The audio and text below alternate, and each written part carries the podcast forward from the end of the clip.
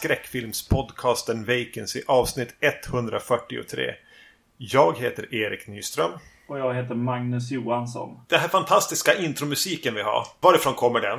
Ja, vi fick lite frågor om det och det är en eh, gammal jobbkollega till mig som heter eh, Thomas Almgren som har gjort den låten. Han har ett band som heter Hearts of Black Science också som man kan lyssna på. Mm. Om man vill höra mer från honom. Vi är lite dåliga på att eh, nämna det, känner jag. Det får skämmas lite med tanke på att eh, han ändå har gjort den där musiken åt oss. Ja, Det minsta vi kan göra är väl att eh, med något sånär jämna intervall slå ett slag för hans band i alla fall. mm. Förra avsnittet var ju inte vi här. Nej, precis. Utan Eh, Thomas och Lars från Vargtimmen höll låda den gången. Ja men det var skoj. Ja. Eh, Och vi gjorde ju då ett avsnitt i deras podcast varje timme som sagt var. Just det. Där vi pratade om telefonskräck. Det känns lite grann som att de hade snappat upp någonting jag inte ens visste om våran podcast. Och jag, att vi ofta tar en lite halvkänd film och sen en jätteobskyr. För, som kontrast liksom. Ja, det är inte medvetet i alla fall. Nej, nej. Det, det jag gillade som de nämnde om att vi kan... Eh, en analys av våra diskussioner om film som de bjussade på.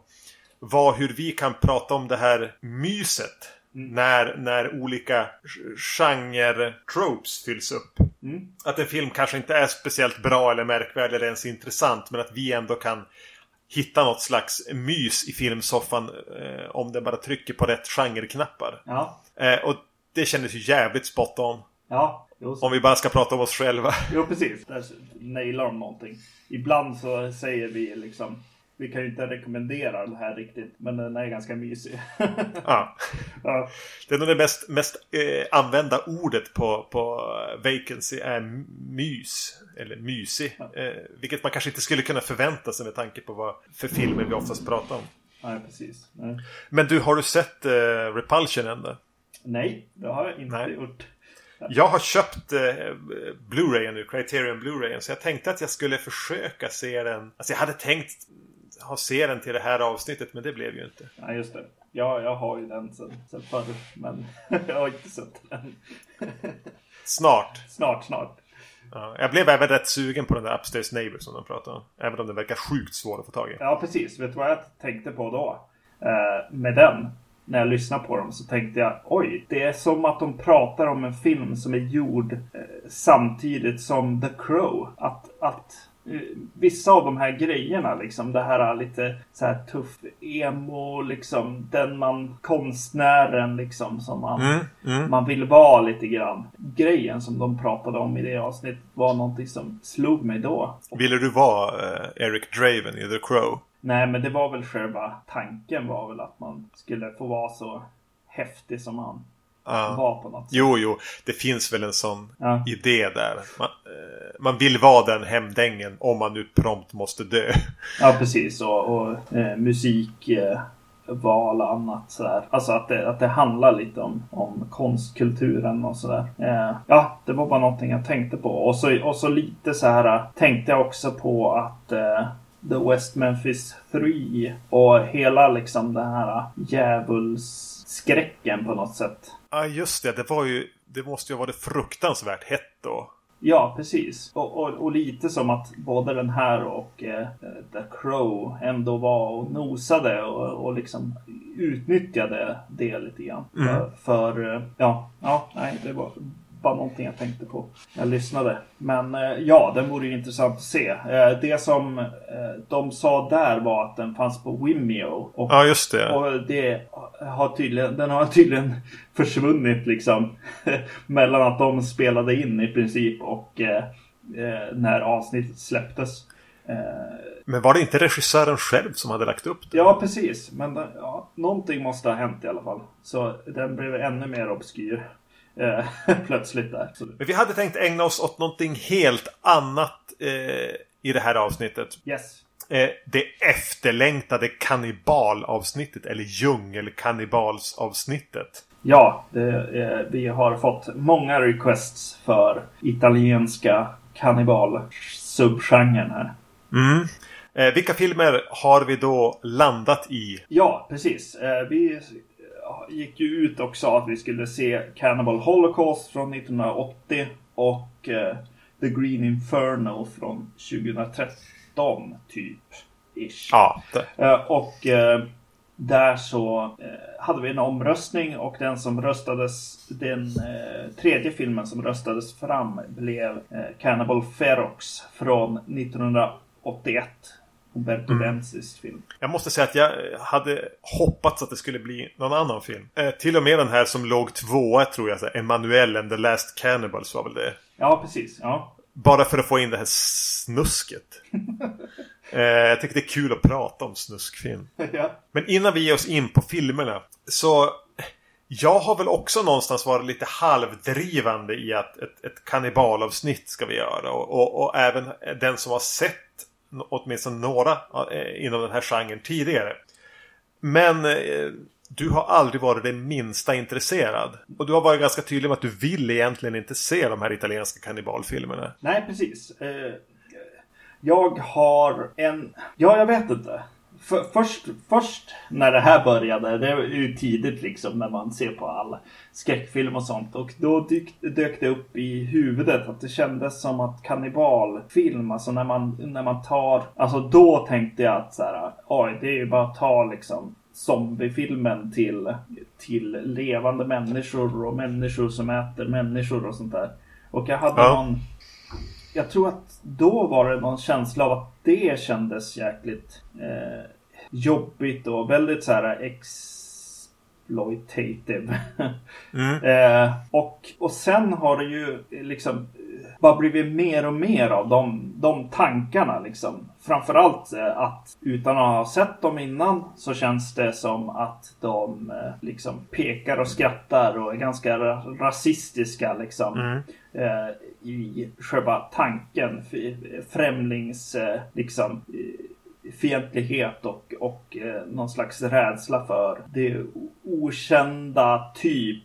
Och Och någon slags exotifiering av mindre civiliserade kulturer. Ja, precis. Och eh, ja, kanske en rädsla. Ja, jo. Eh, Och ju- Mm, just, jag förstår. just den biten är ganska känsligt för mig. Jag blir ganska irriterad ganska lätt på sånt. Det var nästan det som var jobbigast nu innan. Att säga, vad fan ska vi liksom stötta sådana tankar liksom egentligen? Men, Men hur mycket hade du hört om snacket eh, som vi kommer att komma in på senare? Att de här filmerna även ju blev ökända för att eh, de hade ihjäl djur i dem. Ja, precis. Eh, jo, det kände jag ju till. Eh, jag stod i kön på SF-bokhandeln någon gång och de frågade om Cannibal Holocaust och eh, de sa att eh, vi tar inte in den för att eh, det är djurplågeri i den. Liksom. Eh, och eh, den biten, liksom, jag vet inte om jag tyckte att det var så himla, alltså den tanken, alltså när jag var yngre av varför jag avstod från det här hade inte så mycket med det att göra egentligen. Eh, för man tyckte sig vara tuff och härdad på något sätt ändå. Eh, det har ju snarare nu då när vi skulle sätta igång med de här kommit tillbaks i, i huvudet och bara oj det här kommer att bli jättejobbigt. Särskilt eftersom att vi har sett lite eh, sån film också hade jobbigt med eh, jakten som de har i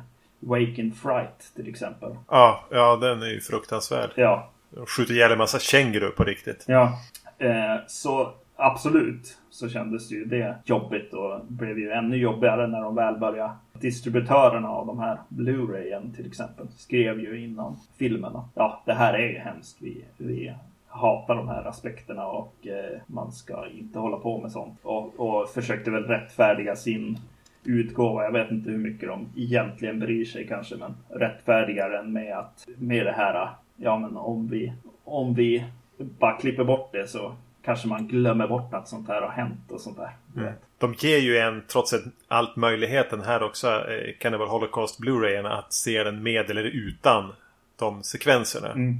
Eh, Lite grann som, vad heter den, den här Thriller, en grym film. Ja, just det. Har man möjlighet att se den med eller utan hårdpar. Mm. Men jag tvingade ju dig att se Cannibal Holocaust med, med de här scenerna. Precis. Eh, Men vi kommer att återkomma till, till, till en diskussion om det. Mm. Mm. Eh, Men eh, vi kommer att riva av de här i kronologisk ordning. Yes. Så vi börjar med Cannibal Holocaust från 1980. Mm. Kannibalfilmernas Citizen Kane. Kanske den mest ökända och eh, kultförklarade och någonstans även kanske den mest uppskattade. Mm. Eh, Ruggero Dioma, Diodato. Precis. Heter han. Eh, han har gjort en film som jag slutade se. Eh, House on the Edge of the Park. Med David Hess va? Ja, precis. Otäck kombo. B- Deodato och Hess. precis. Började se den och ja, det, det blev för mycket vid den tidpunkten när jag såg den. Jag kommer inte ihåg när det var men eh, ja. Eh, Jag har den DVDn någonstans i hyllan. Jag tror aldrig att jag har orkat se den. nej, jag ha- har den också. jag har aldrig tagit mig an den igen. Eh, Nej. nej. Så det, det är väl en ma- man som inte ba- backar. Eh, Nej. Helt enkelt. Vi kan kalla honom för det. ja. Cannibal Holocaust handlar om en expedition som sätts till verket för att leta efter en försvunnen expedition. Eh, expeditionen de ska leta efter var några eh, dokumentärfilmare som åkte iväg till Amazonas djungler för att leta efter eller komma i kontakt med olika typer av infödingar. Eh, Men de kommer aldrig tillbaka. Så då eh, sticker en, eh, en man iväg för att leta reda på, på dem. Eller åtminstone försöka ta reda på vad som har hänt. Och det är väl grundpremissen. Vi kommer inte att spoila i det här avsnittet. Men vi kommer att berätta eh, en bit in i Cannibal Holocaust. För att det är en så pass viktig del av hur filmen är strukturerad. ja. Har man inte sett den och vill, vill få den helt opratad om vad som händer eh, över nästan en ha, halva filmen så ska man kanske sluta lyssna nu. Men är man inte så spoilerkänslig, vi kommer inte att berätta vad som händer när den slutar. Även om det någonstans blir ganska tydligt. Eh, så kan man lyssna vidare. Yes. Eh, den här filmen börjar med helikoptershots över uh, djungeln. Eh, man, Mm. man får lite krigsfilmsvibbar och eh, det känns som att fotot kommer förmodligen vara bra. Mm. Sådär. Sen... Och redan under in, i öppnings förtextscenerna här med de här helikopterfotade regnskogsbilderna så introduceras vi för eh, soundtracket. Mm. Och nu har jag så här, börjat utveckla en speciell relation till, till det här soundtracket. Men jag vet inte, du som ser den. Jag ska göra en kort parentes. Det här är andra gången jag ser Cannibal Holocaust. Första gången var, och jag har suttit och försökt räkna i huvudet nu och knyta upp det på händelser i mitt liv och var jag bodde och så. Eh, våren 2001 så lånade jag en VHS av någon sån här suspekt typ på ett ställe jag jobbade då. Som var en sån som fick tag i suspekta filmer. Eh, Sen har jag inte sett den förrän nu då. 16 år senare. Eh, men hur som helst. Eh, jag, jag, med den här utgåvan som finns så följer soundtracket med. På en liten CD som jag har i bilen. Jag tror jag kan ha spelat den någon gång när jag skjutsade dig. Ja, just det. Eh, men visst är det ett fantastiskt soundtrack? Ja, absolut. Mycket härligt. Det är som en, en akustisk gitarr och, och, och, och några eh, jävligt lofi-syntar som spelar så här, nästan alltså ett klassiskt score. Ja. Alltså, man kan nästan tänka sig en full symfoniorkesterversion eh, version av det här spelas när någon ska gå upp och ta emot en Oscar. Alltså när några ska gå ut och presentera en Oscar. Det har den slingan i sig som är nästan något, ja men borta med vinden eller någonting. Just det. Jag är helt knockad av både den här fina delen av soundtracket, sen har den en elak bit också. Ja. Med en så här hårt hamrande synton och några elakare stråkar. Mm. Mm. Ehm, och även hur de kontrasterar mot varandra och hur de används. De klipper mellan dem i några sekvenser senare i filmen. Ja.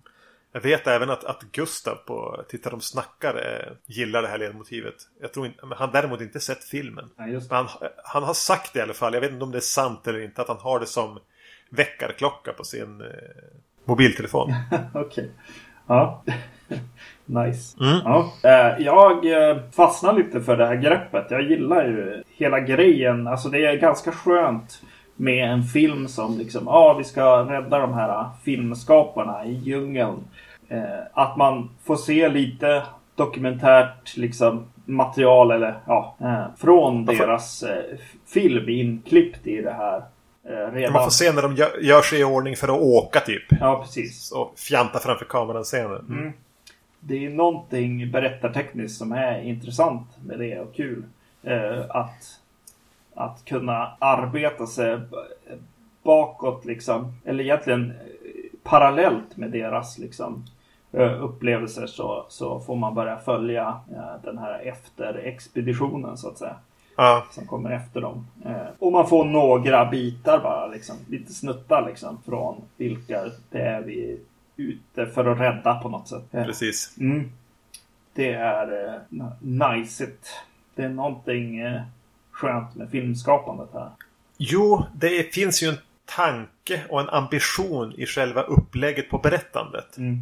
Eh, är det att gå händelserna i förväg om vi eh, pratar vidare om hur det utvecklar sig? Nej, det kan vi göra.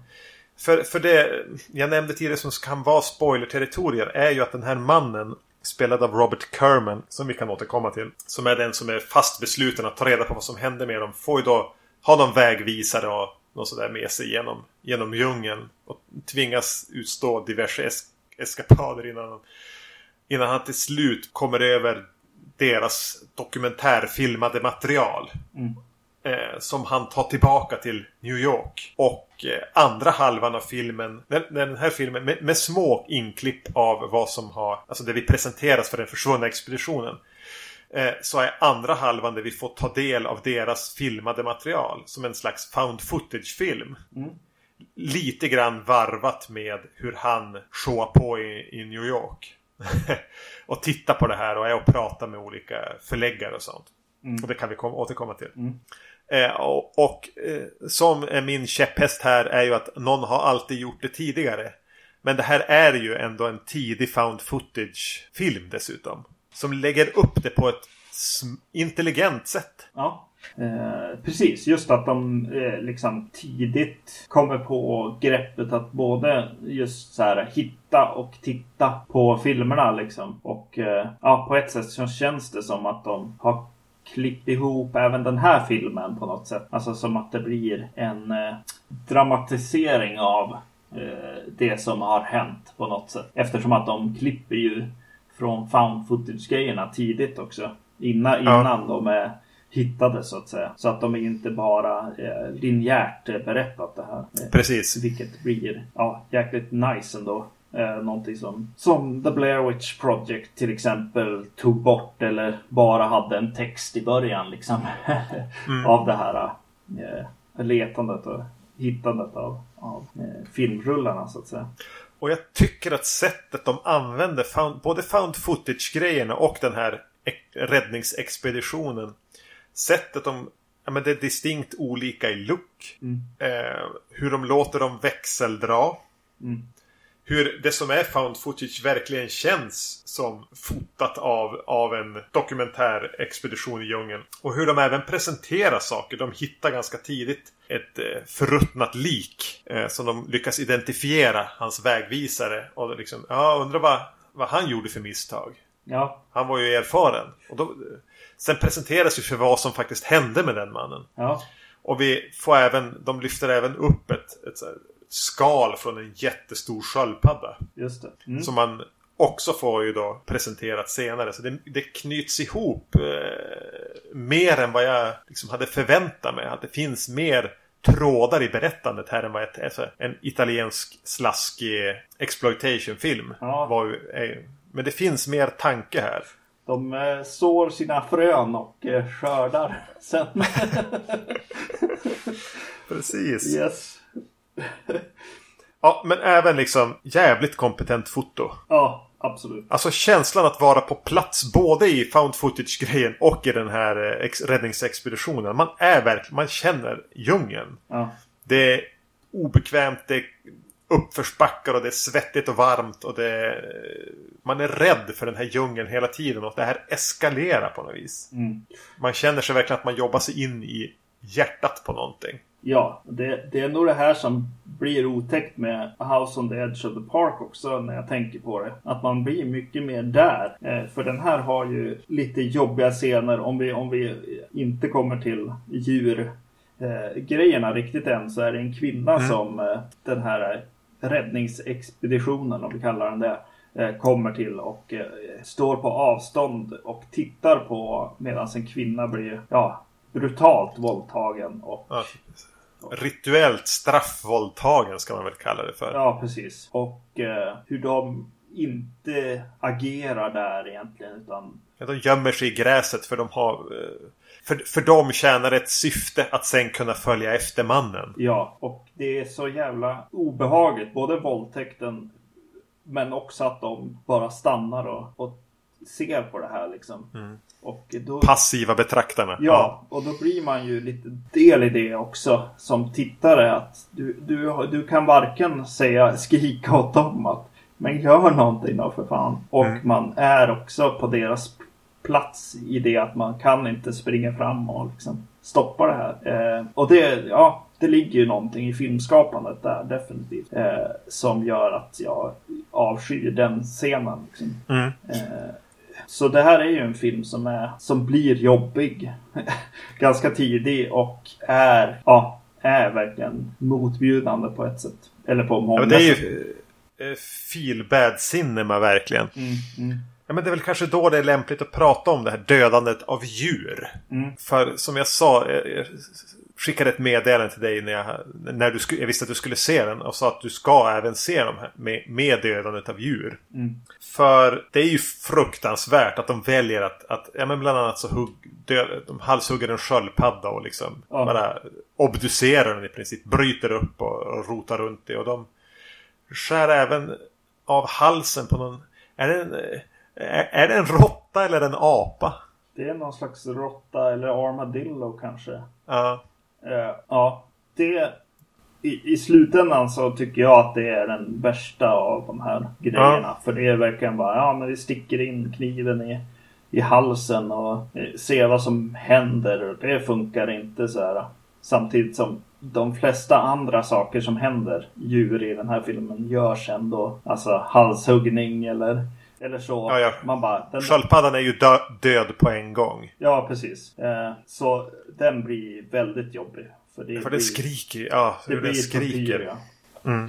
Och det eh, eller ja, all, all, all djurdödande i den här filmen är ju djur. Eh, tortyr liksom, eller liksom så. Men eh, just den var väldigt jobbig och är den första också. Eh, ja, det, ja, så ska man inte göra. Nej, man ska verkligen inte göra så på film. Eh, och jag, jag försvarar det inte på något sätt. Mm. Men sk skulle du ha sett filmen utan, utan de här eh, djurdödarscenerna. Så förtar ju det den här avsmakseffekten som hela filmen har. Ja. Alltså de är ju på något sätt ganska viktiga för känslan som ligger genom hela Cannibal Holocaust. En slags avsmak mot människor. Avsmak mot de som tittar på det här egentligen. Mm. Och det är ju den, det, är det som är själva essensen av filmen. Ja, jo så är det ju. Även, även om Deodato har ju i efterhand sagt att han, han ångrar de här djurscenerna och att han egentligen ångrar att han har gjort hela filmen. Men samtidigt så har han liksom sedan 1980 fram till idag förmodligen fått utstå daglig skit för det. Mm. Eh, och jag säger inte att han inte ska ha det. Men eh, det är klart att eh, den han var då, det statement han ville göra då, eh, var ett annat. Ja. För han gjorde det ju som en slags kritik mot media. Och så, nyhetsreportage och han upplevde att saker var fejkat och iscensatt. Och Mm. att, att det är det någonstans den här filmen handlar om. Mm. Men det, ja precis. Och allt det här skapar ju, alltså, ja som sagt människor liksom hatet på något sätt. Eh, just att drogerna och djurtortyren och, och stå och titta på mord och, och våldtäkter och grejer från protagonisten liksom. Eh, gör ju liksom dem också till ganska sjuka människor. Och kanske är det då man börjar tänka lite grann på Apocalypse Now. ja, den, st- den står med i mina anteckningar också. Det blir liksom en resa in i galenskapen här liksom. Mm. Verkligen också på, på, på samma sätt som Apocalypse Now eh, gör det också. eh, det här blir ju sjukare, eh, Mm. helt klart. Även då, om då Apocalypse Now, eh, precis som den här filmen, har djur som dödas på, på bild. Mm. Eh, De är ungefär samtida också. ja, Kommer, om inte samma år. Och det är ju jättejobbigt tycker jag i Apocalypse Now också. Om det är Redux eller om det är båda, nu vet jag inte. Nu kommer jag inte ihåg liksom. båda versionerna. Men eh, det är ju hemskt att se liksom, eh, sådana här saker hända med, mm. med, ja, alltså inte med djur egentligen. Utan för mig är det just att, så här, att det är riktiga liksom levande eh, saker som stryker med. Eh, mm. Jag menar, vi ser på liksom eh, ja, men människor som blir sönderhuggna, om inte dagligen, men veckovis i, i skräckfilmer liksom. Ja. Eh, och, och samma sak med att det finns här djur och annat som far illa. Men allt det är ju bara fake. Det är ju, det är ju direkt när det blir liksom sånt här på riktigt. Det jag ändå tycker att det lyckas göra att det säger ju på något sätt mer om människor än att, som är beredd att göra det i en film. Så på någon slags metanivå pratar den ju även om de här jävla idioterna som har gjort den här filmen. Som är beredda att göra det här bara för att ja, röra om i grytan. Mm. Hur långt man är beredd att sträcka sig. Ja, precis. Som jag sa, jag har med... Jag hade också skrivit ner någonting om Apocalypse Now. Alltså det är någonting med de här svepande bilderna över den här oändliga gröna djungeln. Att de pratar om The Green Inferno hela tiden. Ja. Det är ju en, en alltså den här filmen skulle ursprungligen heta det egentligen. Men eh, Cannibal Holocaust har väl bättre exploitation selling points. Ja. Alltså den pratar om det nästan som ett slags limbo. Eller som någon slags hjärta av djungeln. Alltså det blir som en mytisk plats. Jag tänkte lite grann på Alltså den här platsen i kosmos där han slutligen hamnar i 2001. Mm. Alltså det här är en, en mytisk plats som säger något om mänsklighetens själva essens. Och att det, de bygger även upp det här som typ det värsta någonsin. Ja. Och att den på något sätt eh, den blir summan av allt som har upplevts fram till dess. Och det är ju i någon mån det värsta någonsin. Att den lyckas faktiskt hålla vad den lovar. Ja, ja det är sant. Då har vi paralleller till, till tungviktare i, i filmhistorien här. Mm. Eh, och jag sa, alltså jag hade sett det, jag satt upp och såg den här ganska sent en fredagkväll och jag blev, ganska, jag blev ordentligt tagen av den då. Mm.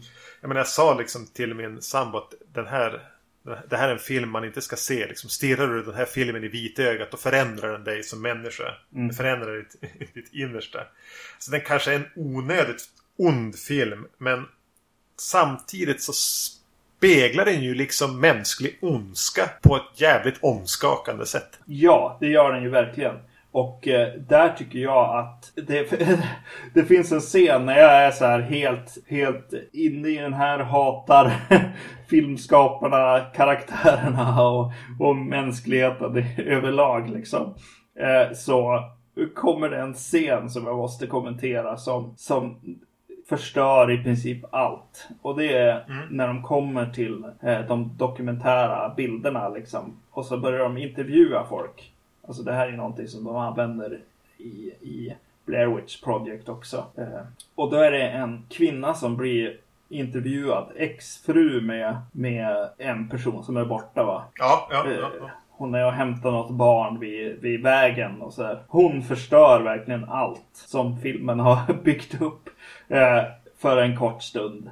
Eh, sen kommer den ju tillbaka igen liksom. Men gud vad dålig hon var i den scenen. Alltså jag tycker de här stadsscenerna eller vad man ska säga. Mm. Eh, att de, är, de blir i någon mån irriterande. Mm. För, för även där, jag kan gilla eh, kontrasterna. Liksom att man kastas ibland från den här onda djungeln till en, en, till en civilisationen. Mm. Och även att den här mannen som i första halvan av filmen gör allt för att komma åt de här filmerna. Sen är nästan beredd att göra allt för att hindrar dem från att visas. Den dynamiken kan jag gilla. Men de här scenerna i stad har en tendens att, att säga saker rakt ut som egentligen är subtexten. Yes. Som irriterade mig. Ja, ja, ja, precis. Jo, det finns ju tillfällen där det verkligen gör det. Men ja, i och för sig. Jo, man skulle väl haja grejen så att säga här ganska utan de här grejerna. Fast jag tycker att några av de här ändå kan, kan vara där. Sen, sen så går det överstyr lite grann och blir väldigt, väldigt on the nose med budskap och annat. Eh, för det, det har vi verkligen upplevt genom filmen, vad den vill prata om liksom. Eh, ja, och, och vilka som är vildingarna på något sätt. Ändå. Ja, man behöver inte säga det även. Nej, nej precis, exakt. Men eh, vi kanske inte ska prata så mycket mer om den här, förutom i kontext till de andra filmerna kanske. Nej, vi kommer få anledning att spegla dem i den här. Det är väl, kan avsluta med att säga att jag gillar inte att jag blir så uppslukad och fascinerad av den här filmen som jag ändå blir. jag blir ju lättad av den här filmen från vissa aspekter av mina, mina rädslor inför den.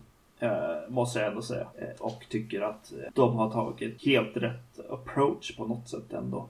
Mm. Eh, som, som är mer i, i linje med, med mina åsikter. Även om de torterar en armadillo eller vad det nu är. Ja, precis. Jo. Eh, mm. Då kommer vi vidare till Cannibal Ferox från 1981. Umberto Lenzi Uh, en av dina favoritregissörer. kanske inte riktigt. Uh, Nej. Försöker sig på att uh, rida på, på vågen här som egentligen känns ändå ganska skapad av, av Italien själva liksom på något sätt. Ja. Eller, eller det är i alla fall en helt egen stil att prata om kannibaler på som jag inte har sett innan liksom. Men jag är ju ganska dålig på att kolla på kannibal, kannibal Eh, referenser å andra sidan. Eh, om det inte kommer ut av någon slags zombiefilm tänkte jag alltid tidigare i alla fall. Ja, men Cannibal Holocaust blev ju ett fenomen mm. eh, som jag har tolkat. Nu är det här inte hemmaplan för mig heller. Nej. Men den, den gjorde ju stor succé. Så den var en enorm ekonomisk framgång. Och den blev ju ökänd just efter att ja, men då, folk trodde ju att han hade... Att Deodato blev ju gripen och, och åt inte åtalad, men misstänkt för att han mördat skådespelare. Ja. Som var tvungen att träda fram och säga nej, det var, det var en film. och den, den var ju...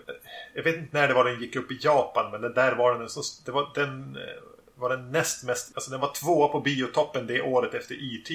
Ja. Um, så den har gjort ett avtryck. Ja. Och då kommer ju... Och det fanns ju kannibalfilmer före den. Så det var ju inte på något sätt först. Men det var den som lyckades eh, bränna ett märke i själen på folk. Ja. Eh, och, och då kommer ju alltid Umberto Lenzi. Ja. Eh, och gör en, en egen kannibalfilm. Ja. Här, här handlar det om några bland annat en, skulle väl kunna kalla det för en antropolog eller någon akademiker som eh, vill bevisa att kannibaler inte finns. Utan att det här är en eh, imperialistisk myt för att rättfärdiga de saker som den vite mannen har gjort mot eh, ursprungsbefolkning. Ja men i Amazonas djungler och egentligen över hela Sydamerika. Mm. Så de eh, åker på en expedition dit för att på något sätt kunna fastställa det de redan tror sig veta. Eh, I djungeln träffar de på några cyniska män som har andra anledningar att vara där. Och de träffar naturligtvis även på kannibaler.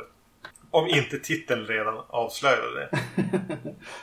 ja, och här känns det som att man börjar känna igen folk. Det är det första som händer mig. Eh, att den här eh, snuten till exempel mm. som dyker upp. Eh, eh, Sergeant eh, Ross som eh, jag känner igen från City of the Living Dead. Där han heter Mr Ross för övrigt. Eh, av någon anledning.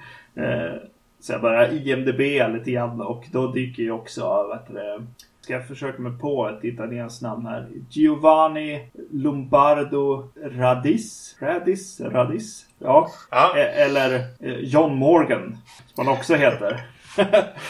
Vilket Lucio Fulci-namn alltså. Ja, han, han är med i City of the Living Dead. Spelar Bob där. Mm. Uh, House on the Edge of the Park. Uh, han, han är så här. Ja, om, det, om, om inte Hess var nog av liksom en vidrig karaktär. så har de, har de adderat honom här. Uh, han är med i Stage Fright. The Church, The Sect, Body Puzzle och Gangs of New York. Vilken ska bort? Vilken ska bort? Han ser ju liksom lite, lite ond och liksom eh, läskig ut på något sätt. Eh, när han dyker upp. Eh, hade ju också väldigt eh, intensiv eh, karaktär. Eh, han spelar den här eh, Mike heter han. Som de mm, stöter mm. på där i djungeln. Är... Han ledaren. Ja. Ledaren av de två. Ja. och sen är ju Rod, Robert Kerman med igen. Alltså huvudpersonen från Cannibal Holocaust. Han som eh, räddningsexpeditionens egentligen enda medlem. Han har en ganska liten roll här. Ja, Han är väl kollega till den här Sergeant Ross. just det. Jo. Man känner knappt igen honom. Nej, precis. Nej. Han, han ser ut att ha gått upp åtminstone så här 15 trivselkilon, odlar en mustasch. Mm. Eh, han var tydligen även med i Lenzi gjorde en kannibalfilm Eaten Alive året innan och han är med även där. Eh, Typecastad. ja, eh, det, det, det var, Robert Kerman har också en sån här film, Vilken ska bort?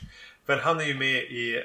Han, han gjorde lite italiensk exploitation här under åren runt Holocaust och Ferox och var ju en porrskådis som ville etablera sig Ja, okej. och bli en seriös skådis. Mm. Men det gick sådär så han återvände till porren. Ja. Tycker han är rätt bra i Holocaust. Och eh, här är han med så pass lite att jag ska inte säga någonting.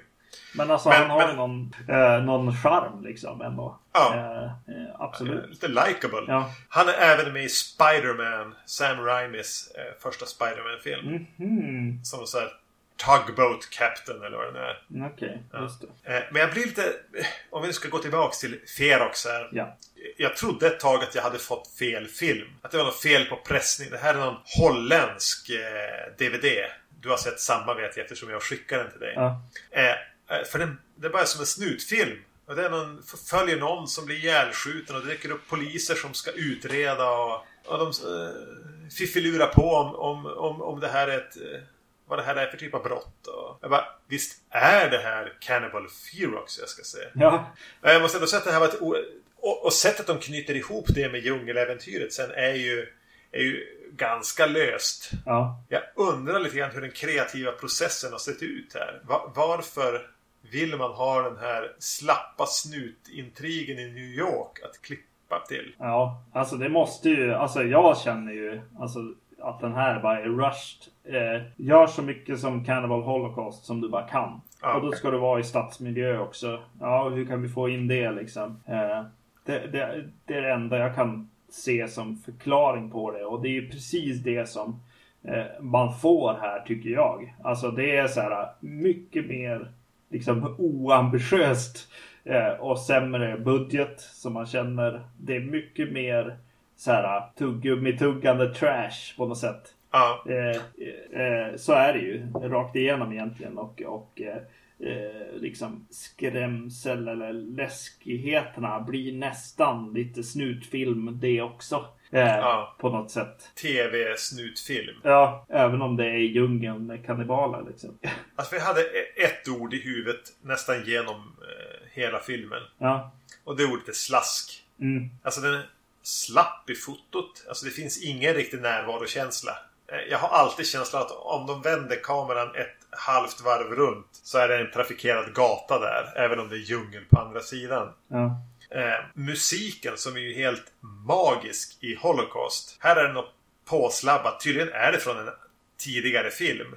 Ja. Eh, låter lite så här Fulci Beyond-aktig. ja, den här har jag faktiskt eh, soundtrack till som följde med någon, om det var Beyond eller någon sån Med soundtrack. Beyond följde soundtracket till Cannibal Ferox med. Nej, men alltså till soundtracket av The Beyond. Ja. Eh, Ja, ja, okej.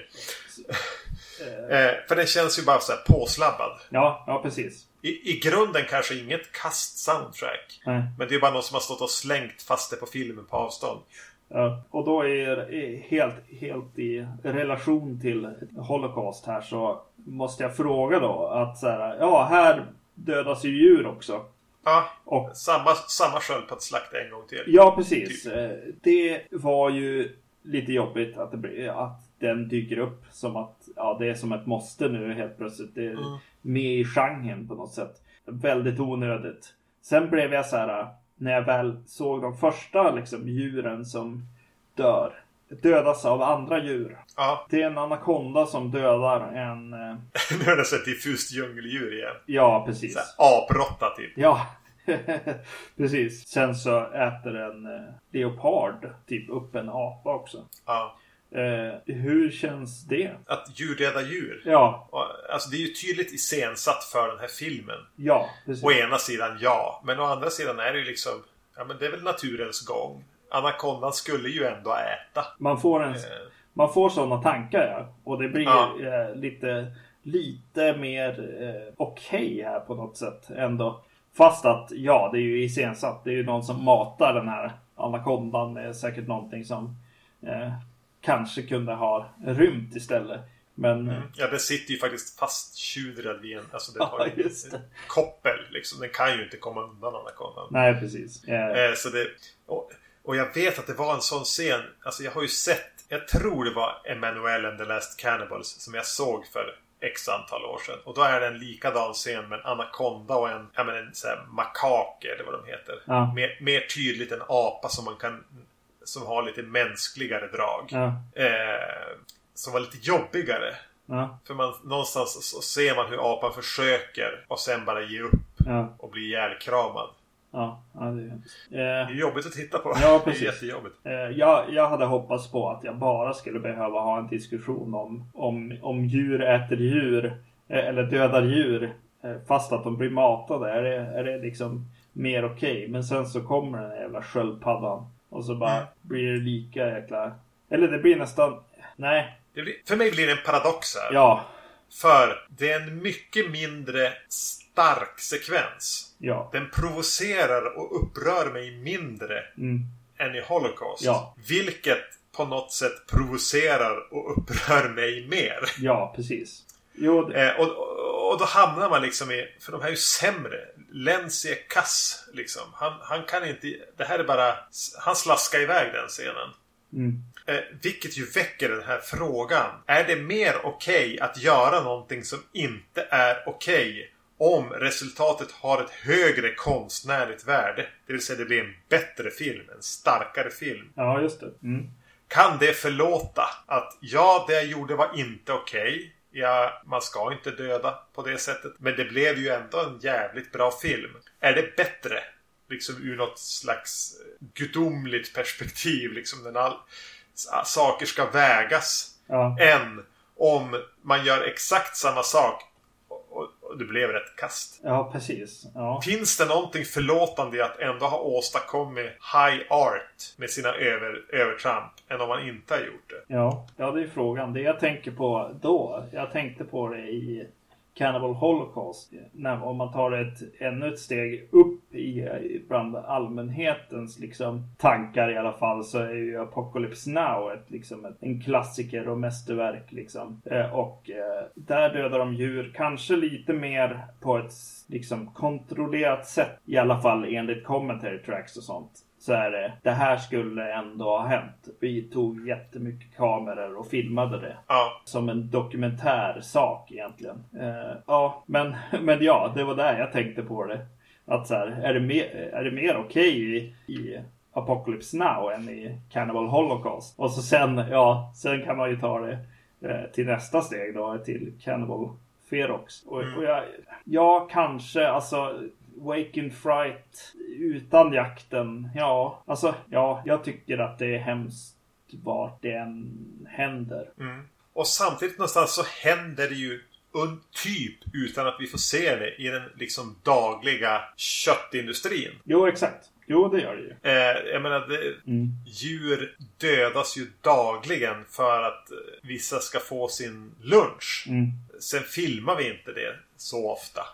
Nej, och, och gör en film av det. Men ändå. ja, precis. Jo. Det är ju en sjukt knepig fråga. Och, och samtidigt liksom, jag kan väl tycka att Cannibal Holocaust har fått oförtjänt mycket skit för det. Eh, Den här, eh, vad var det, Armadillo som någon bara skär halsen av lite på måfå, Ja. känns det som. Ja, visst. Men jag tycker att de övriga djuren som stryker med där, det är någon spindel va, som blir ihjälhuggen, eller en orm och vad det är. Ja, precis. De dör ju omedelbart. Mm. Och, och sköldpaddan som kanske är det mest kända. Ja.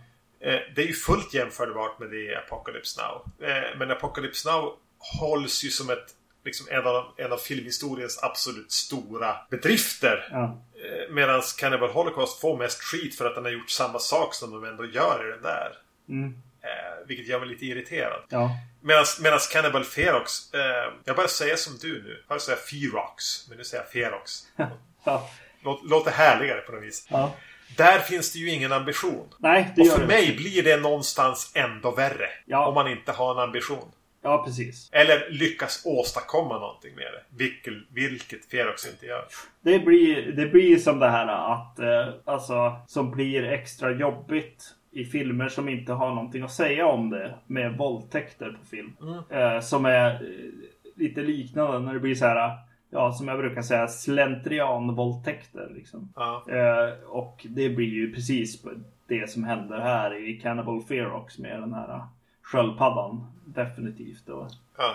Slentriandöden. Ja. Då blir jag mer irriterad. Ja. Ja, precis. Och det är ju verkligen befogat att tänka så. Det tycker jag ändå. Eh, mm. Eh, ja. mm. Vad fan ska man säga om Cannibal Ferox mer? Alltså grejen är att i slutändan så börjar jag gilla New York-delarna mer. Alltså jag skulle, hell- Ja, ja. ja. jag skulle hellre se en, en länsig liksom snutrulle eller en giallo med de här karaktärerna. Eh, än att de ger sig ut i djungeln och filmas på ett jättedåligt vis och allt är bara kast liksom. Alltså, gapiga karaktärer och rutinmässiga scener. kast, då får man gärna vara i stan hellre. Liksom.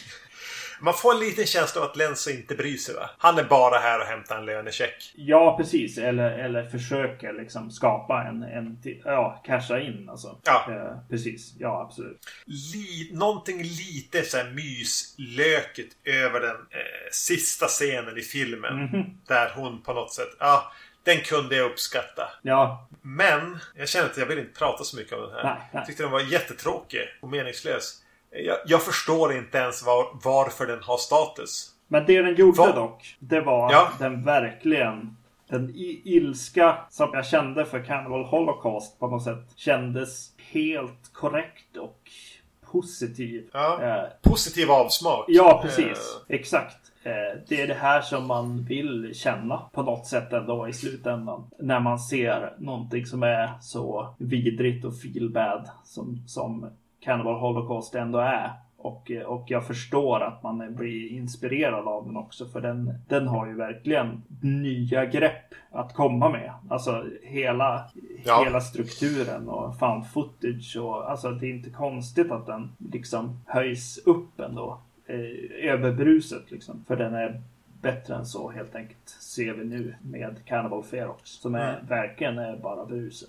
Men varför röstar våra lyssnare fram Ferox som den tredje filmen här? När man röstar så blir det ju ofta det som är det allmänna tanken. Tror jag. Minsta gemensamma nämnaren på något vis. Ja, precis. Bredast träffbild. Ja, precis. Och därför så eh, blir den här filmen, för den är ändå mest känd vid sidan av Cannibal eh, Holocaust. Jag tänkte när du sa vi ska göra kannibalfilm och vi ska göra tre stycken och en ska röstas fram. Och då tänkte jag, ja men Cannibal Ferox är ju den tredje filmen va? Ja. Så att ja, det blir ju så. den är näst mest känd av de här Jag är filmerna. övertygad om att det finns mer intressanta kannibalfilmer eh, från den här eran att prata om. Mina minnen av, av Emanuel exempelvis, Mm. The Last Cannibal, är att den hade varit intressantare. Mm, ja, För jag tycker inte ens den här har några minnesvärda scener. nej. Jag har svårt att minnas den nu. Jag gillar ju att, att Cannibal Holocaust fick ha en lösning på den här uppenbara eh, rasistiska ådran som att göra en kannibalfilm ändå har. Liksom. Den hittade en, en lösning på det som Cannibal Ferox hoppar på lite grann men igen lite klumpigare. Liksom. Det blir för enkelt där. Det ska funnits en hel del gig som urinvånare i Amazonas som skådis. Så här cirka 1980. Ja, eh, det är faktiskt en grej med Cannibal Ferox. Det är att så här, känner jag inte igen de här personerna? Börjar jag tänka. Och börjar tänka Ja, då lär det ha varit samma stammar de har varit och filmat hos. Ja, precis. Antingen det eller att de, de i Cannibal Ferox är också så här spaghetti western indianer Ja. Eller något sånt liksom. Ja, jag vet inte. Men då gå- går vi vidare tycker jag till The Green Inferno och eh, datumet eh, på den i, på IMDB är 2013. Men det kan ju inte stämma riktigt. Det dröjde något år till innan den fick ordentlig distribution. Precis, utan det här måste vara någon visning på, på någon eh, festival eller någonting. Yes. Regisserad av Eli Roth. eh, skriven av Eli Roth och Guillermo Amuedo. Mm. Eh, Och den jäveln kunde inte ge honom liksom bara, ja okej, vi skriver den här, vi skriver bara manus. Nej, Eli Roth måste också ha en story credit. Så att, ja, ja, okej, cool. sådär. Eh, men det är bra att vi får eh, våra lyssnare redan nu få en känsla för hur illa vi tycker om Eli Roth. Som regissör. Ja, Han borde skådespela istället. Mm. Och då säger jag inte att han är bra. Eh, men då har, är han i alla fall upptagen med det. Och han har ett rätt intressant ansikte i typ Inglourious Basterds och så. Mm. Han eh, började ju karriären med den här eh, Cabin Fever. Och den var Ja. väl på väg till någonting liksom. Oj, ja men det här kanske kan bli någonting. Eh, Ja, men så här, första film. Ja. Intressant första film. ja, men det blev ju inget. Nej, ja, det blev Tarantinos så, drinking buddy. Mm. Yes, okej, bra. The Green Inferno. The Green Inferno handlar om en expedition till Amazonas för att sätta stopp för exploateringen av något slags bygge där de skövlar regnskog. Så ett gäng idealister från USA åker dit för att stoppa detta. De lyckas ganska bra men sen får deras eh, flygplan sådana problem att det kraschar och de hamnar i händerna på eh, kannibaler. Mm. Precis. Mm. Eh, färgglatt öppnas, öppnas den här med. Eh, jag får en känsla av att vi ska få eh, vad Eli Roth kallar fint foto i den här. För det är väldigt mycket så här skärpedjup, förändringar och, och sånt där som man gör om man ska göra fint foto med digitalkamera. Ja. Eh, och eh, ja, precis. Och så börjar den ju också med den här åkningen över Amazonas djungel, djungler här. Ja. Eh, för, Fula åkningar över det. måste man säga. ja, precis. Man sitter alltid och funderar, har han gjort det här i datorn? Ja, just det. Mm. Tänkte jag. Det är, ja. Eh, Vi kommer få se en hyllningsfilm här känns det ju också som. Eh, och så kommer ju vita mannen och börjar fälla den här regnskogen. Eh, vilket inte är, är nog av en anledning att liksom förbise hur, hur rasistiskt det ändå är. Som sagt, Mm. att göra sån här film. Utan vita mannens intrång måste nog vara lite, lite större för mig. Personligare kanske också. Mm. Ja, ja. Eh, och Ja, ja, ja, ja, precis. Ja. Exakt. Vi hamnar ju då eh, på någon skola där som där de ska eh, sätta ihop de här, den här gruppen för att sen åka iväg eh, och stoppa den här skövlingen. Någon slags så här, skön college-miljö i kanske New York. Vi säger New York. Ja. Alla stora städer är New York. Eh, Eh, jävligt trevande inledning. Ja, och eh, det är någon som har sagt Nu ska vi skriva trovärdiga unga kvinnor, säger de här eh, männen som aldrig har haft eh, kontakt med kvinnor. Mm. Eh, förutom att eh, liksom flörta och ligga med dem Ja. i princip. Det är jävligt tafatt, tycker jag. Ja, det är fruktansvärt. Alltså, ingen av karaktärerna sitter. Nej, Och vi får tillbringa... Det läggs ganska mycket tid på att etablera karaktärer så att vi ska bry oss om den här eh, ja, men kvinnliga huvudrollen. Mm. Och det sitter så skevt allting. ja. Att det är jobbigt att ta sig igenom de här första 20 minuterna. Mm. Då, då hon ska presenteras och hennes drivkrafter ska presenteras. Och, eh, skämskudde på allting. Eh, jag vill bara därifrån. För det här är inte en, ingen vuxen människa. Presentera det här på det här sättet. Nej. Det här är vi när vi, när vi gjorde film på så här, högstadiet någonstans. Ja. Hade nog skrivit och gjort det ungefär så här. Mm, mm, mm. Eh, ja, precis. Hon är huvudrollen här. Hon verkar ju vara med mest i skräckfilmer. Uh, ser jag på IMDB och har och börjar kolla de andra också som är med. Och det verkar vara lite så. eh, överlag att det är liksom uh, indie till halv eh, hög profil skräckisar. Så jag, har, jag känner inte igen många av de här förutom Spy Kids eh, eh, killen som också är med i Halloween-remaken. Ja. Eh, som ju dyker upp här i en roll. Eh, Vem, vem är han? ja, han, han, är, eh, han är han som eh, tar droger, va, röker på. Ja, Eh, ja, ja. Han med krulligt hår. Ja, han har ja. rött hår till och med. Yes, han är han. Han är ju med i en, scen här när de väl kommer fram liksom. Där både hu, hon huvudrollen och han blir kissnödiga. Just det, de åker i en båt längs, längs floden. Ja, precis. De måste stanna till. Och eh, då har de... eh, Då ska det komma en spindel så här mot, mot snoppen medan han, han kissar. Och eh, de gömmer ollonet bakom ett, ett träd. Ja. Fast resten av paketet, det visar de så att säga. Och då tänkte jag så här, oj, jag visste inte att vi hade typ en motsvarighet till bröstvårtan. Tänkte jag då. Men, men tydligen. Tydligen har vi det. Jag tänkte sen att nej, men det kanske är att han, han faktiskt kissar. Att man kanske inte filmar just det så att säga. Du vill inte ha en stråle i bild, liksom. Mynningen. Nej, precis exakt. Eh, kanske är det. Men, men annars var det lite kul att ollonet var mannens bröstvårta när det kommer till filminspelningar och, och kanske också nakenklausuler och sånt. börjar jag tänka på. Fullkomligt poänglös scen. Däremot. Det var det mest intressanta någon kan ha att säga om den. Ja, precis. Jo, jo. Eh, för den, den har ju ingen punch eller... Nej. Nej, precis. Förutom att han vill vara lite edgy, men det... Ja, uppenbart så, så funkar ju inte det.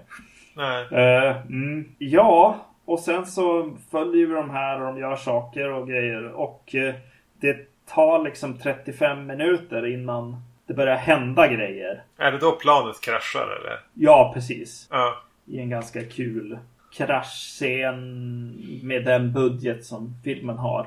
De försöker liksom lite grann. Ja, ja. Ja, ja men den ska jag inte säga någonting elakt om. Nej. Eh, precis. Och eh, ja, den här är ju mest av, av det jag fruktade på något sätt ändå. Alltså att det bara blir sådana så här. Ja, men och sen så blir de skjutna liksom av kannibaler på något sätt. Det finns någon liten, liten så här eh, spår av att så här. Ja, men de de tror ju att vi är de som skövlar regnskogen. För att de har sådana kläder på sig. Men Ja, de är den vite mannen. Ja, precis. Men vad fan. Alltså, ja. Du behöver mer än så, Eli Roth, för att inte vara eh, exploitative.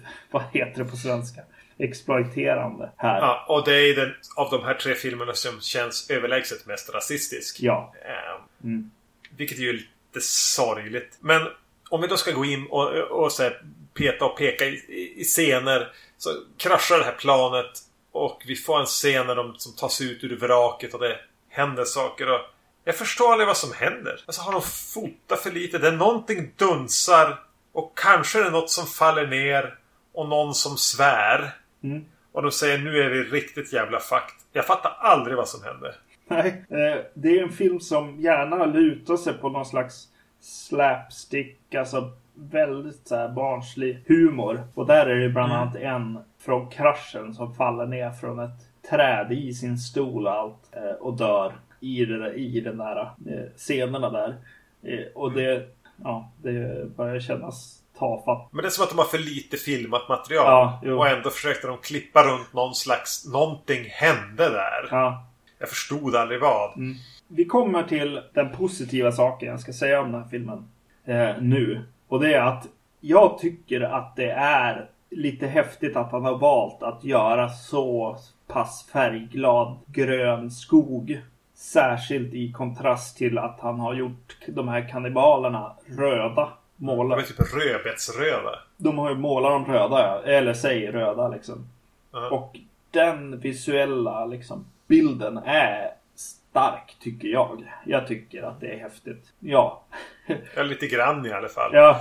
Det blir mindre häftigt av att de sätter dit några så här hero pieces. Några alltså så här karaktärer bland eh, de här infödda kannibalerna. Ja, ja, som är uppenbart spelade av typ mexikanska skådespelare eller någonting. Ja, precis. Som har... Med typ ett stort ben genom näsan eller någonting. Och den, han är svartmålad och, och det kommer in en, en gul-orange eh, kvinna som tydligt är så här eh, byns äldste på något sätt. Ja. Det blir ju, då, då är man ju på superhjältefilm och håller på liksom. Mm. När man de designar så hårt liksom, som de gör. Och sen har den problem med tonen. Alltså jag blir heller aldrig, aldrig riktigt klok på om den vill luta sig mot och vara så här obehaglig och uh, avsmaksväckande som de två tidigare filmerna vi har pratat om. Eller om den vill vara slapstick och lite ha någon komisk touch eller vad fan det är. Men bara det här med att de blir sövda med blåsrör stup i kvarten. Mm. Det känns ju Simpsons. Ja.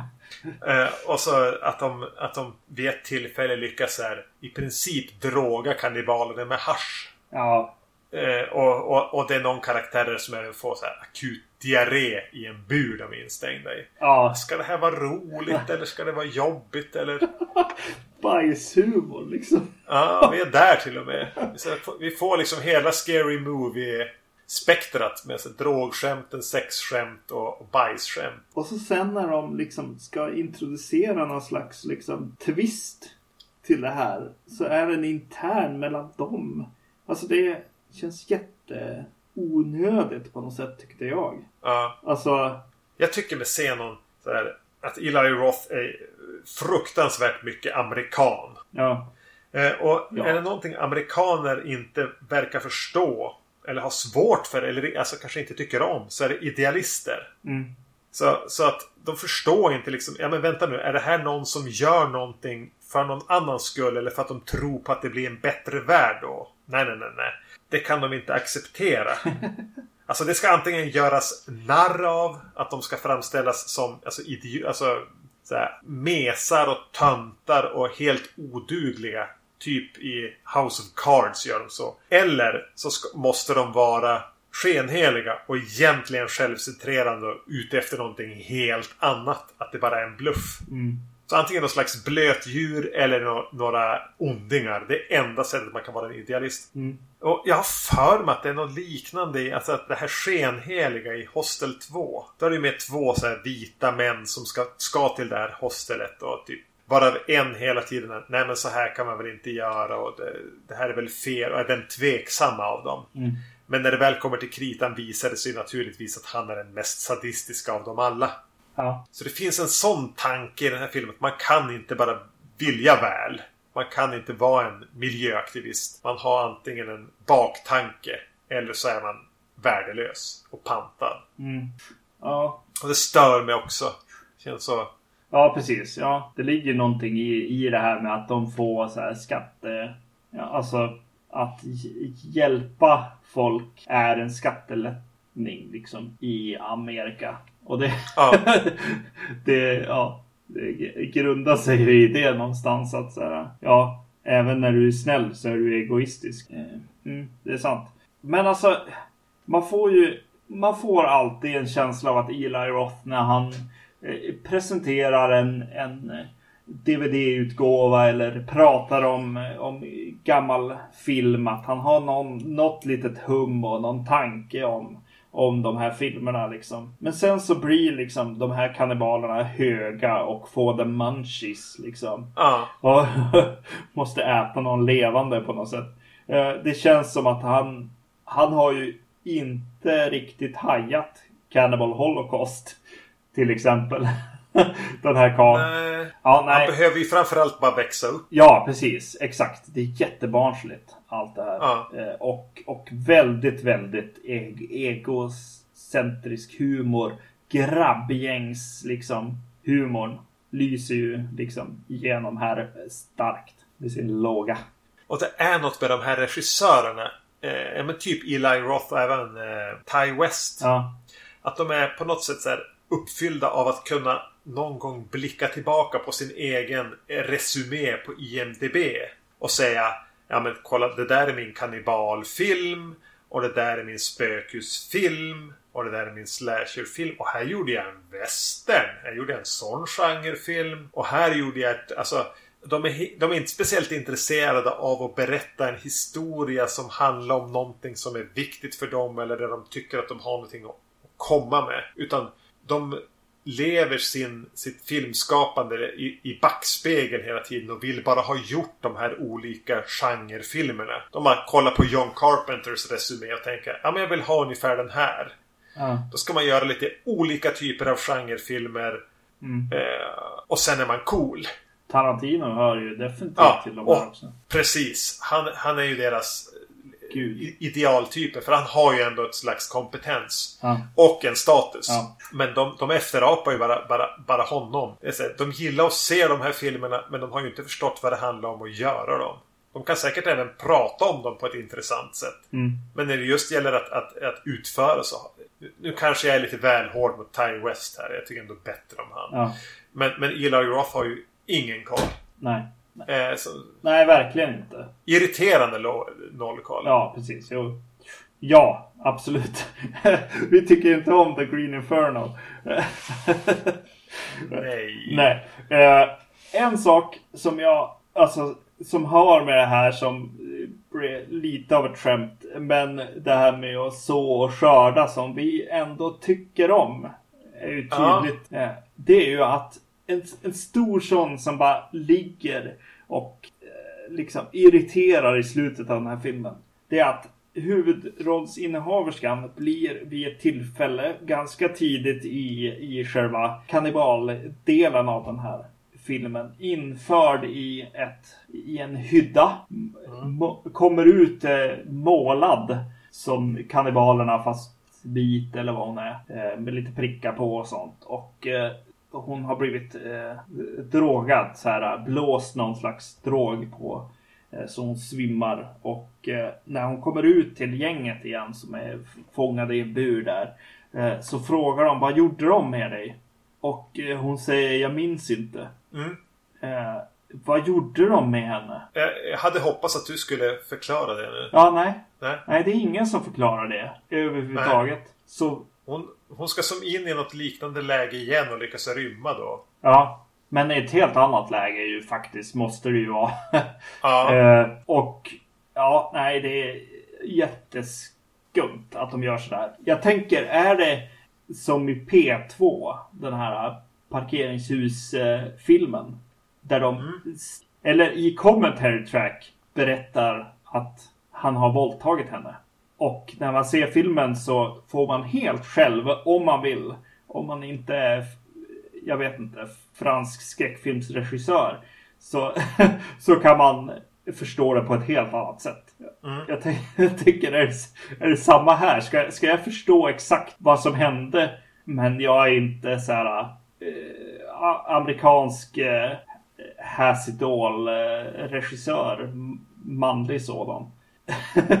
så jag, jag skulle ha förstått det där, men det, gör jag verkligen inte. Han, Eli Roth skulle ju säga att det är precis det här jag vill att ni ska diskutera. Ja, just det. Det är det i filmen som man ska ta med sig och fundera Ja. kring. Jo, ja, i och för sig. Ja, Eh, att jag tänker på det säger ju någonting om resten av filmen. Att, att eh, det kom inte ut någonting ur den egentligen. Förutom en logisk lucka. Eh, Vi måste väl kanske, eller jag måste väl kanske göra upp med de här filmerna och, och tänka Ja. kring, eh, kring Hur känner du nu? Ja, precis. Jag är lättad över att eh, det inte var så... Alltså att de hade hittat en, ett sätt att inte vara så jävla rasistiska. Ja. eh, som jag kände att, att den här genren var som genre. Eh, sen att... Innan Eli Roth började eh, ge sig in i det. Ja, precis. Eh, Jag har sett en annan som heter Welcome to the Jungle. Och den har inte heller liksom riktigt eh, fingret på pulsen där. Riktigt på hur, hur man gör. Men eh, ja, så det är ju en lättande. Det blev jättejobbigt med eh, Cannibal Holocaust med djuren för mig. Och den här våldtäkten, eller liksom, ja, ja, våldtäkten som ja, är jättejobbig. Och Mm. På ett sätt med all rätt på något sätt. Kanske inte just våldtäkten kan jag tycka att det är lite jobbig. Eh, det, eh, det andra som är vidrigt i filmen har för mig en bättre infallsvinkel kanske. Eh, utifrån just de här sakerna som vi just diskuterade. Utan att försöka säga för mycket. Men alltså, ja. Så här kan jag då säga utifrån var jag, vart jag var kanske. Det är okej okay mm. att både gilla och älska Cannibal Holocaust. Ja. ja, men vad skönt att höra. För jag var fastnat i någon slags här, självhat för att tycka om den så mycket som jag gör. Ja, ja, alltså den smäller ju. Alltså den är ju en av de här liksom eh, du vet, filmer som han ser som man tycker är bra men man gärna inte vill se igen. Som är alltså som, vad heter den, Oldboy och Requiem for a Dream och sådär. Ja. Mm. Det var roligt att, eller bra att ha sett den filmen, känner jag. Inte roligt, men ja, vi brukar säga att kul att ha sett den. Men jag vet inte om det är så kul. Men ja, intressant. Ja, intressant. De andra två var inte så bra. Och, och Green Inferno. Ferox bara, bara slät och Green Inferno är så provocerande dålig om jag skulle säga någonting. Men... Ja, precis. Det, det den har är, är röda människor mot grön bakgrund. Och det är inte mycket. Den bilden kan man nästan måla upp i huvudet så är man klar sen. Mm. Mm. Yes. Det var vårt kannibalavsnitt. Ja. Därmed inte sagt att vi aldrig kommer att återvända till människor som äter människor Nej. i någon form. Nästa gång ska det bli lite tema igen. Jag har tänkt på det att hittills i år har vi inte gjort en sån här Ja, men vi gjorde en eh, Tessari special, vi har gjort Ringu och kannibalavsnitt. Var... Nu kommer vi till ett avsnitt där vi har parat ihop två filmer lite på feeling. Mm. Jag, jag, tror inte att någon av oss har sett någon av filmerna. Nej. Eh, och det vi ska se är dels en ny film eh, som du har någonstans grävt upp som heter The Love Witch. Mm. Jag tror vi nämnde den i, när vi sammanfattade. Att det var någon av filmerna vi var peppade på. Eller du var peppad på under 2017. Ja. Eh, och tillsammans med The Love Witch ska vi se en film som åtminstone har tre titlar. Mm. Antingen The Devil's Widow eller The Ballad of Tam Lin eller bara kort och gott Tam Lin från 1970 i regi av Roddy McDowell. Ja. Eh, det är någon slags eh, kärlekssexa här i alla fall. Precis. Uh, jag älskar att det här blev ett tema. Uh, jag, jag var lite såhär, men vi måste hitta någonting gammalt med The Love Witch som har liknande liksom teman som är lite närmare från den tiden som The Love Witch ville vara ifrån. Mm. Uh, och jag kände ju direkt att, att du Erik träffade otroligt rätt Sen får vi se om det är sant eller inte. Ja, det får vi återkomma till i nästa avsnitt. Ja. Jag hade bara stått och fingrat på Tamlin bara dagarna innan vi började prata om det här. Bara, just det, den här köpte vi in båda två visste jag. Med någon vag tanke att, att, att uh, göra något avsnitt om. Mm. Och sen har den bara fallit i glömskan i, i något år. Mm. Ja, det ska bli skitspännande. Det är vad vi ska ägna oss åt nästa gång. Hoppas ni kunde uppskatta vårt kannibalsnack. Eh, vi tar gladeligen emot kritik eller beröm kring detta. Antingen på podcast.vacancy.se om man vill mejla oss. Annars kan man gå in på Facebook, eh, skicka ett meddelande eller skriva någonting i, i kommentaren på det här avsnittet. Mm. Eh, eller kanske lite recension på iTunes. Gör gärna det och dela gärna vårt inlägg på Facebook till exempel. Så att vi får mer lyssnare. Berätta för alla dina kompisar om oss. Ja, då blir vi jätteglada. Ja. Men vi, vi hörs. Det gör vi. Hej! Ja, hej.